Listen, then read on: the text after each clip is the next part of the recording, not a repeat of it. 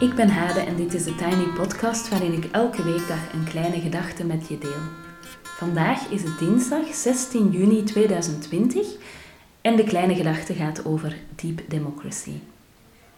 Ik ben namelijk Deep Democracy Facilitator en daar heb ik een opleiding voor gevolgd, maar meer nog dan een opleiding was het voor mij een persoonlijk groeiproces. En dat heb ik gedeeld, dat hele proces. Ehm, op vrijdag het eerste deel en op maandag gisteren dus het tweede deel. Ehm, en vandaag wil ik graag nog een aantal tips meegeven of zo'n beetje samenvatten van wat die democratie kan brengen. Dan heb ik eigenlijk nog acht dingen die ik daarover wil vertellen. Wat voor mij eigenlijk het mooiste is aan werken met Deep Democracy als ik met groepen werk, is dat ehm, ja, is zo het werken dat er veiligheid, het merken, sorry, dat er veiligheid ontstaat. Ehm, door de werkvormen die je gebruikt en ook de filosofie die daar dan onder zit.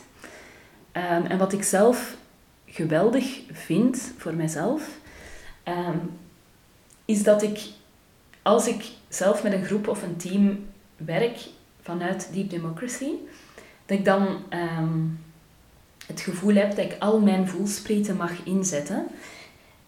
waar ik vroeger, uh, als ik voor groepen stond, vaak een ehm, soort van in een cultuur zat waarin je vanuit een soort rationele benadering uh, kwam en dat je ook heel verbaal werkt. Terwijl ik dan bijvoorbeeld ook heel de tijd ehm, dingen aanvoelde. Bijvoorbeeld mensen zeiden dingen, maar ik voelde dan ook wel aan dat er meer onder zat of dat, uh, of dat er ook uh, tegenstrijdigheden waren of dat er gevoelens waren die um, aanwezig waren, maar waar we het dan met z'n allen niet over hadden.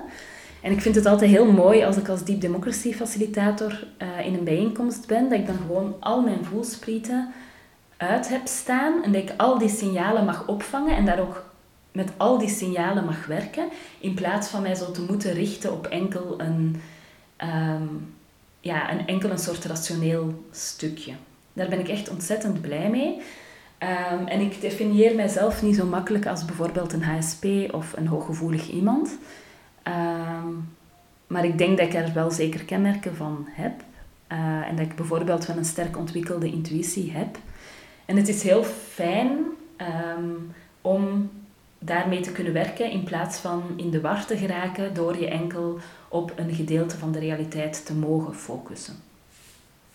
Maar goed, ik zei dat ik acht punten ging uh, noemen nog, um, als een soort afsluiter van, laten we het dan maar noemen, de Deep Democracy uh, trilogie.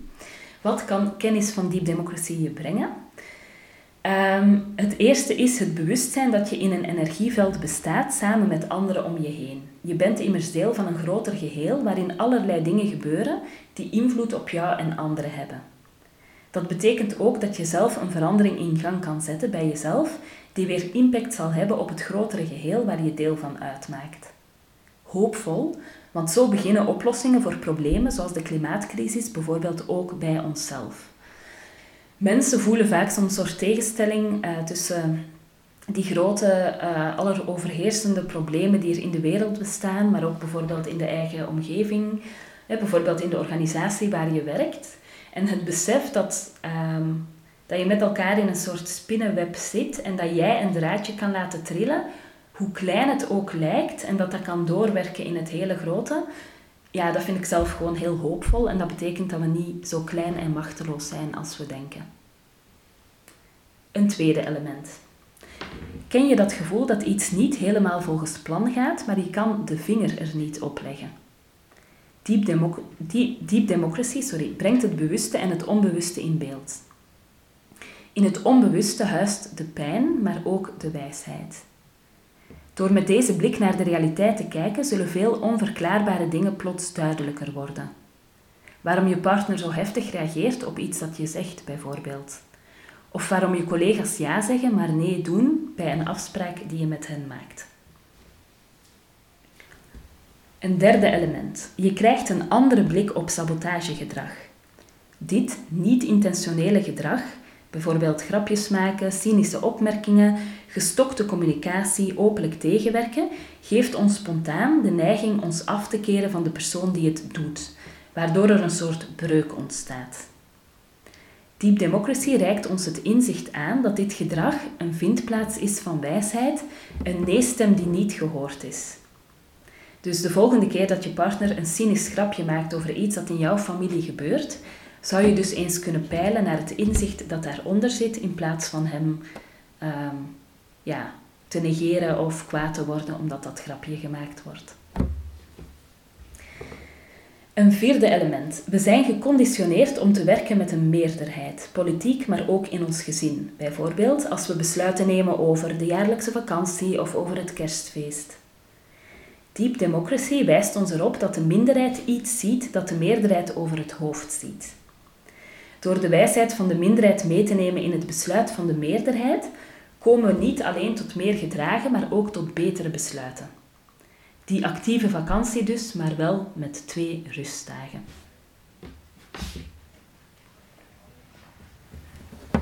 Luisteren is belangrijk in Deep Democracy, dat is dan een vijfde punt. En dat, doe je, en dat doe je niet alleen met je oren, maar je zet al je voel, voelsprieten uit, waar ik het net ook over had. Dus je kijkt, bij het luisteren kijk je ook naar lichaamstaal, je voelt ook hoe de energie is uh, enzovoort. Belangrijk in een tijd waarin we vaak heel snel met ons oordeel of advies klaarstaan en ook waarin we uh, heel snel afgaan ook op digitale informatie die we krijgen. Dan een zesde element. Conflicten zijn eng en we vermijden ze liefst.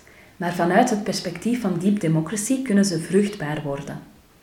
In een conflict is er immers niet, uh, iets uit het onbewuste dat boven komt drijven en waar we iets mee kunnen doen om te transformeren als persoon, als koppel, als gezin, als team of als organisatie. Dan Deep Democracy biedt nieuwe vormen van gesprek waarin er ruimte komt om alles te zeggen en echt te luisteren. En dat is het zevende. Als we daar vandaag nog mee zouden beginnen in onze relatie met onze kinderen, in onze teams, met onze vrienden, zou de wereld er meteen al heel anders uit kunnen zien.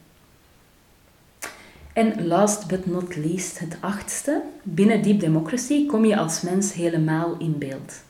Je bent niet alleen een hoofd met rationele argumenten, maar de emoties die er toch zijn, hoe goed we ze ook onder water proberen te houden, horen er gewoon bij en worden meegenomen in het gesprek. Zo, dat was het slot van wat ik nog over Deep Democracy wou zeggen. Um, misschien nog even aanvullen. Ik ga een boekentip uh, in de show notes zetten. En ik ga ook een linkje plaatsen naar uh, waar je een opleiding in België, een opleiding Deep Democracy kan volgen.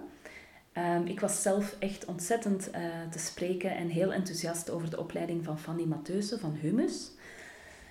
Um, en wat ik ook nog zal doen, is een linkje plaatsen naar mijn tweede bedrijf. Dus ik heb twee bedrijven. Enerzijds de Artist 2 Online, waar ik rond creativiteit werk.